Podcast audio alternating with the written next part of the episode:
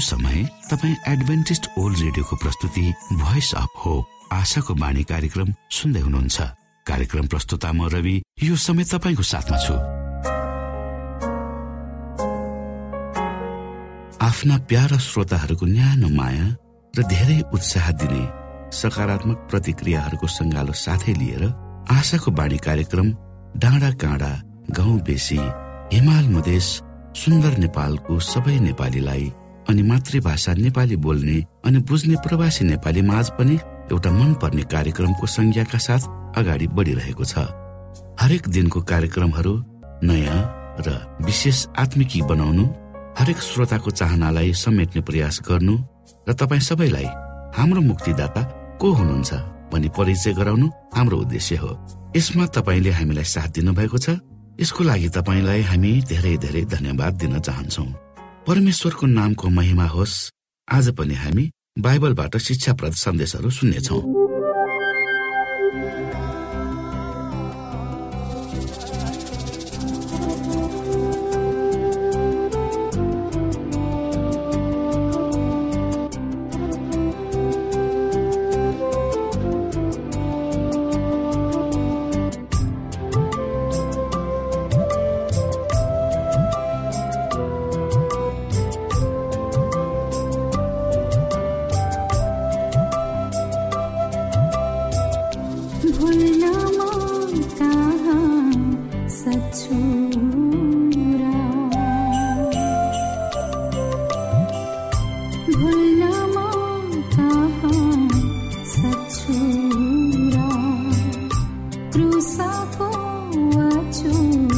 பல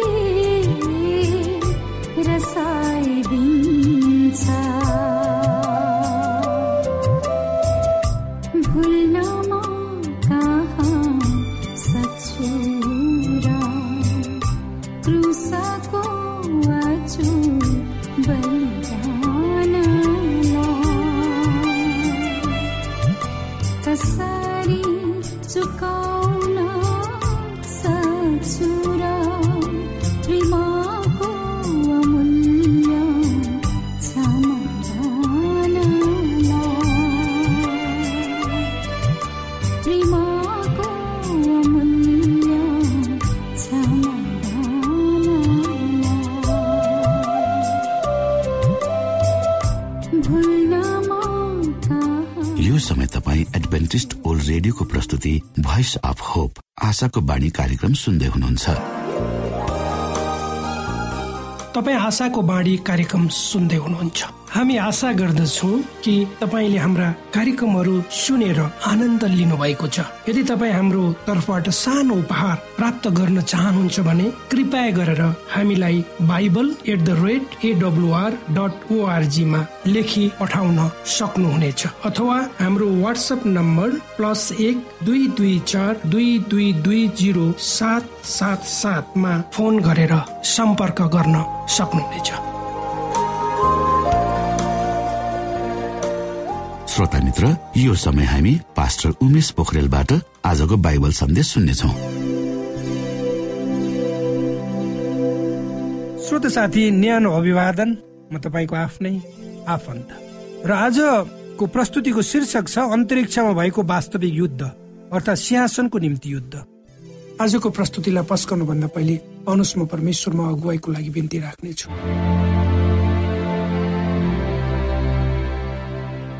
जीवी जिउँदो महान दयाल परमेश्वर। प्रभु हामी धन्यवादी छौँ यो जीवन।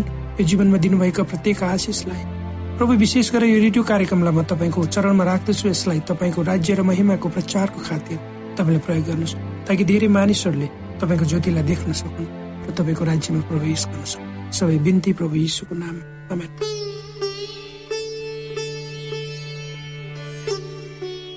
र आजको प्रस्तुतिको शीर्षक छ अन्तरिक्षमा भएको वास्तविक युद्ध। अर्थात् सिंहासनको निम्ति युद्ध। र हामी प्रकाशको पुस्तकबाट हामी पढ्दैछौ श्रोता। आज हामी पर्दा खोलेर अन्तरिक्ष वा जगतमा के भइरहेको छ सो हेर्नेछौ। हामीले कल्पना गर्न सक्ने भन्दा अपार द्वन्द हामी त्यहाँ पत्ता लगाउनेछौ। जगतमा असल र खराबको बीचमा भएको अचम्मको युद्धमा के भइरहेको छ र त्यसका पात्रहरू को को हुन् त्यो पनि हामीले आज हेर्नेछौ। प्रकाशको पुस्तकमा धेरै विषयवस्तुहरू समावेश गरेका छन्। तिनमा स्वर्गदूतहरूको चर्चा एक मुख्य हो। यसुले उहाँको स्वर्गदूत प्रकाशको पुस्तकमा लेखिने सत्यलाई उगार्न यहुन्ना कहाँ पठाउनु भएको भनेर लेख्दै प्रकाशको पुस्तक सुरु हुन्छ। मानव इतिहासको प्रत्येक युगमा प्रस्तुत गरिएको परमेश्वरको सन्देशलाई स्वर्गदूतहरूले प्रकट गर्दछन्। स्वर्गदूतहरू स्वर्गका जीवहरू हुन् जसलाई विशेष कामको निम्ति परमेश्वरले खटाउनुहुन्छ र उनीहरूलाई मानिसहरूले आफ्ना नाङ्गा आँखाले हेर्न सक्दैनन् र तर तिनीहरू वास्तविक जीवहरू हुन्।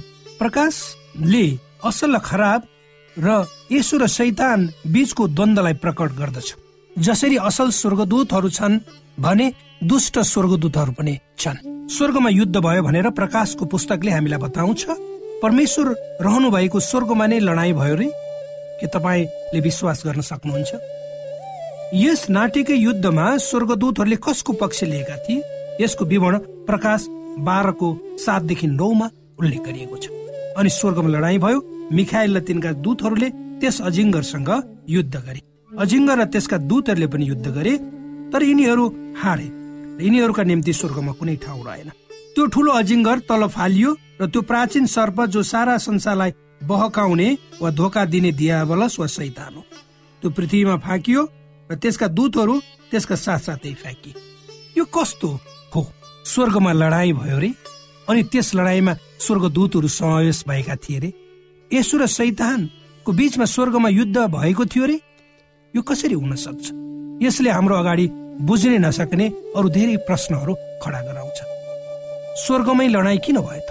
अजिङ्गर कहाँबाट आयो त? भाग्यवश बाइबलले ती प्रश्नहरूको जवाब के हदसम्म हामीलाई दिन्छ। त्यसै विषयवस्तुलाई लिएर यो कार्यक्रम प्रस्तुत गरिएको यदि बाइबलमा छ भने म विश्वास गर्छु। यदि बाइबलसँग सहमत छैन भने यो मेरो लागि पनि होइन। बाइबलको निम्ति हामी आभारित छौँ किनभने यसले शैतानको इतिहासलाई खोदल्दछ। जबसम्म स्वर्गमा के भयो तपाईँले बुझ्नुहुन्न तबसम्म यस संसारमा भएका पीडा दुःख कष्ट पूर्ण रूपमा कहिले पनि बुझ्न सक्नुहुन्न। बाइबलमा उल्लेखित इजिकियलको पुस्तकले लुसिफरको भित्री मनसाय खोदलेर हामी सामु देखाउँछ। उसको दिमागमा के चढिरहेको छ मनमा के सोचिरहेको छ सो कुरा इजिकेलको पुस्तकले बताउँछ। इजिकेल अठाइसको बाह्र। परमप्रभु परमेश्वर भन्नुहुन्छ तिमी त सिद्धताका एक नमुना थियौ वा सिद्धताको लालमोहर लगाएका थियौ र बुद्धिले पूर्ण सर्वङ्ग सुन्दर वा सिद्ध भएको परमेश्वरको सिंहासनको सामु लुसिफरको स्थान विशेष थियो। उसलाई सिद्धताको लालमोहर लगाइएको थियो अर्थात् पूर्ण रूपमा ऊ सिद्ध थियो र बुद्धिले भरिएको थियो। इजिकेल अठाइसको चौधदेखि पन्ध्र। अभिभावक कुरूप हुनलाई तिमी अभिषेक गरिएका थियौ किनकि त्यसरी नै मैले तिमीलाई नियुक्त गरेको थिएँ। परमेश्वरको पवित्र पर्वतमा तिमी थियौ अग्निमय पत्थरहरूका बीचमा तिमी हेर्थ्यौ तिमी सृजिएको दिनदेखि तिमीमा अधर्म फेला नपरेको दिनसम्म तिम्रो चाल ढङ्गमा तिमी दोष रहित थियो परमेश्वरले दुष्ट जीव राक्षसलाई सृष्टि गर्नु भएन। उहाँले सैतानलाई सृष्टि गर्नु भएको थिएन। बाइबल अनुसार ऊ सिद्ध स्वरको एउटा जीव थियो। परमेश्वरको सिंहासनको सामु लुसिफेर हिँडिरहेको चित्रण हामीले गर्न सक्छौ तर त्यस गजबको स्वर्गदूतलाई के भयो? इजिकेल अठाइसको सत्र। तिम्रो सुन्दरताले गर्दा तिम्रो हृदय घमण्डले फुलियो तिमीले आफ्नो गौरवको कारण तिम्रो बुद्धिलाई भ्रष्ट पार्यो। महिमाले भरिएको स्वर्गदूत आफ्नै सुन्दरतामा ध्यान मग्न हुन थाल्यो र उसमा अहंकार र घमण्ड चढ्यो जसले गर्दा ऊ आफ्नै कारण पापमा पस्यो। सिद्ध जगतमा यो कसरी हुन सक्छ? त्यसको कारण एउटै छ। प्रेमले कहिले पनि जबरजस्ती वा धम्की अर्थात् त्रास देखाउँदैन। यो हृदयदेखि नै स्वेच्छाले उब्जनु पर्छ यदि तपाईँले आफू सच्चा रूपमा खुसी हुने गुणलाई खोज्नु भयो भने तपाईँलाई प्रेम गर्ने अवसर पनि खोसिनेछ आफूले सृष्टि गर्नुभएका सबै जीवहरूको परम खुसी भएको परमेश्वर चाहनु भएकोले उहाँले प्रत्येक जीवलाई आत्मनिर्णय अर्थात् रोज्ने अधिकार दिनुभएको थियो। उहाँका सबै जीवहरूले उहाँलाई स्वेच्छा वा आफूले नै निर्णय गरेर उहाँलाई प्रेम गरून् भन्ने उहाँको भित्री चाहना थियो। परमेश्वरले लुसिफरलाई आत्मनिर्णयको अधिकार वा शक्ति दिनुभयो। परमेश्वरलाई रोज्ने स्वविवेकको स्वतन्त्रता उसलाई दिएको थियो। परमेश्वरलाई प्रेम गर्ने अधिकार र स्वतन्त्रता उसलाई दिएको थियो। त्यसको अर्थ प्रेम नगर्ने अधिकार चुन्न पनि उसलाई दिएको थियो। परमेश्वरले यान्त्रिक मानव रोबोट वा कठपुतली जीवहरू सृष्टि गर्न चाहनु भएको थिएन।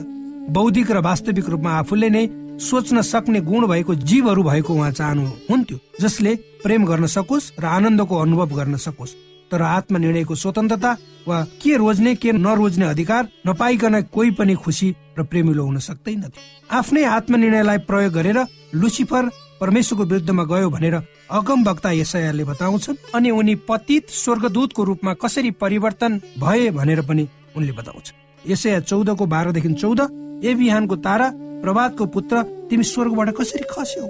तिमीले आफ्नो हृदयमा भन्यो म स्वर्गमा उक्लने छु परमेश्वरका ताराहरू भन्दा माथि म मेरो सिंहासनलाई उच्च पार्नेछु।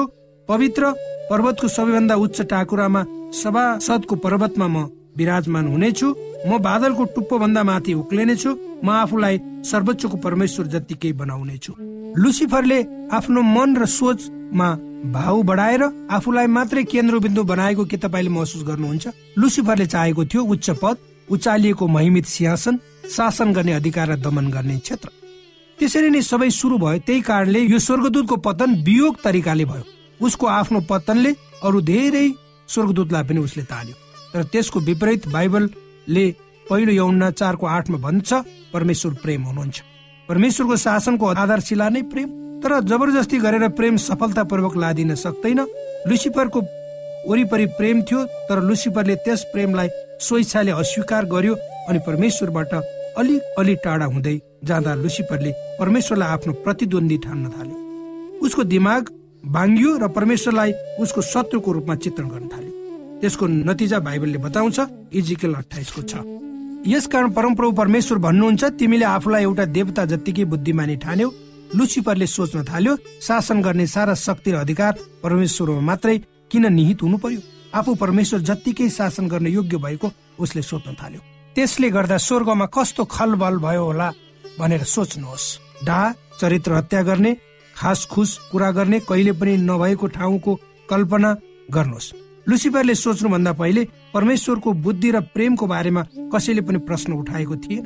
तर अचानक अत्यन्तै विलक्षण र तेजिलो लुसिफरले जो परमेश्वरको सिंहासनको नजिक रहेको थियो उसले गल्ती बाटो रोज्न थाल्यो र उसले हाका हाकी परमेश्वरलाई चुनौती दिएको थिएन तर परमेश्वरले जे काम गरिरहनु भएको थियो त्यसको बारेमा प्रश्न गर्न थाल्यो र असहमति जनाउन थाल्यो। सबै महिमा जस र शक्ति परमेश्वरमा मात्रै किन भयो भनेर उसले सोच्न थाल्यो।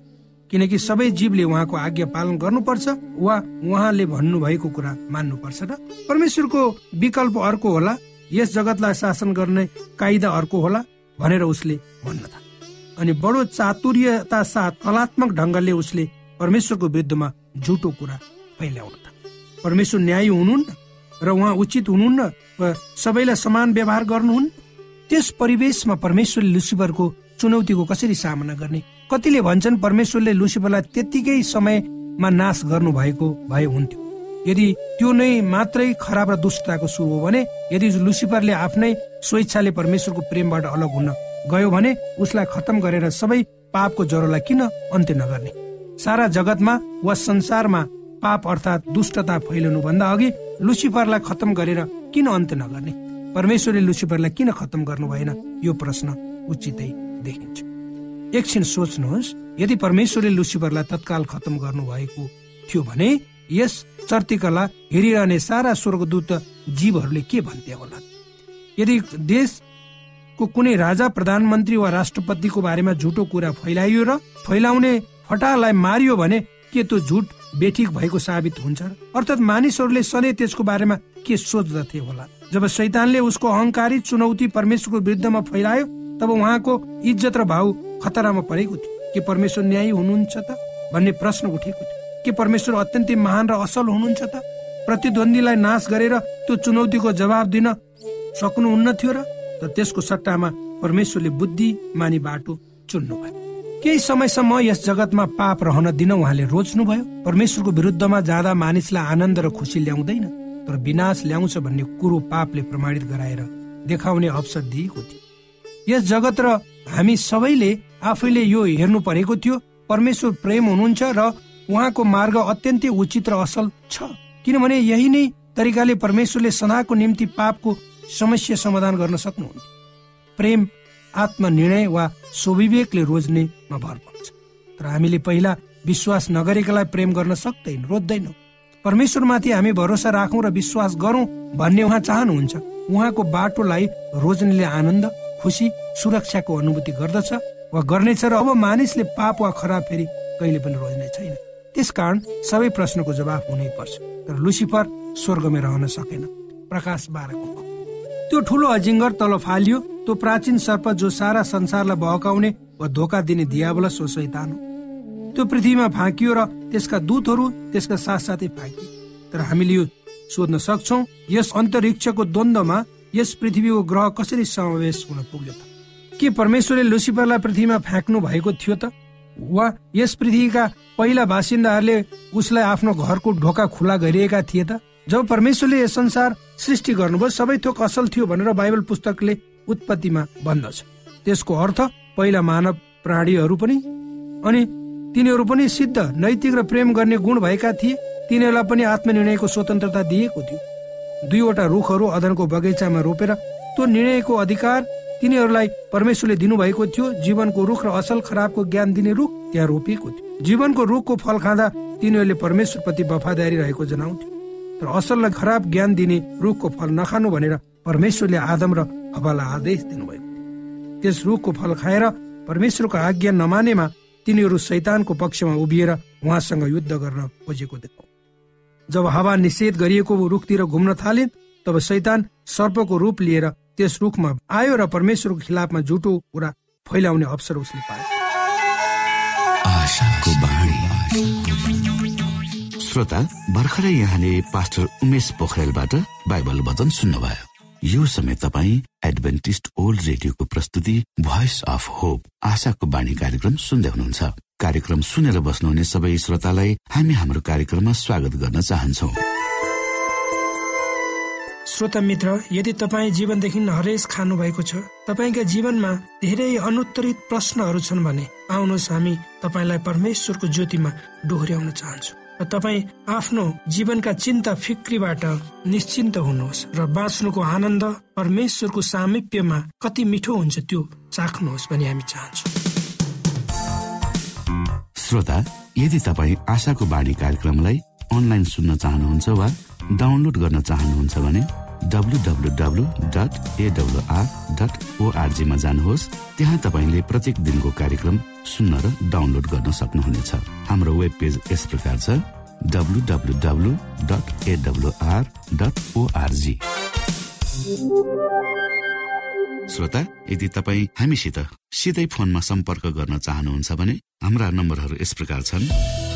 अन्ठानब्बे एकसाठी पचपन्न शून्य एक सय बिस अन्ठानब्बे एकसाठी पचपन्न शून्य एक सय बिस र अर्को अन्ठानब्बे अठार त्रिपन्न पन्चानब्बे पचपन्न. अन्ठानब्बे अठार त्रिपन्न पन्चानब्बे पचपन्न।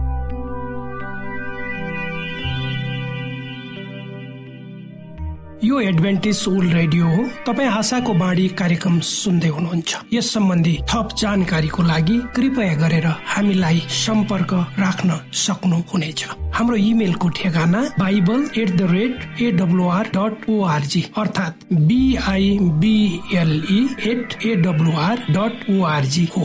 तपाईँ हामीलाई हाम्रो वाट्सएप नम्बर प्लस एक दुई दुई चार दुई दुई दुई जिरो सात सात सातमा पनि कल गरेर सम्पर्क राख्न सक्नुहुनेछ। अर्थात् प्लस एक दुई दुई चार दुई दुई दुई जिरो सात सात सात।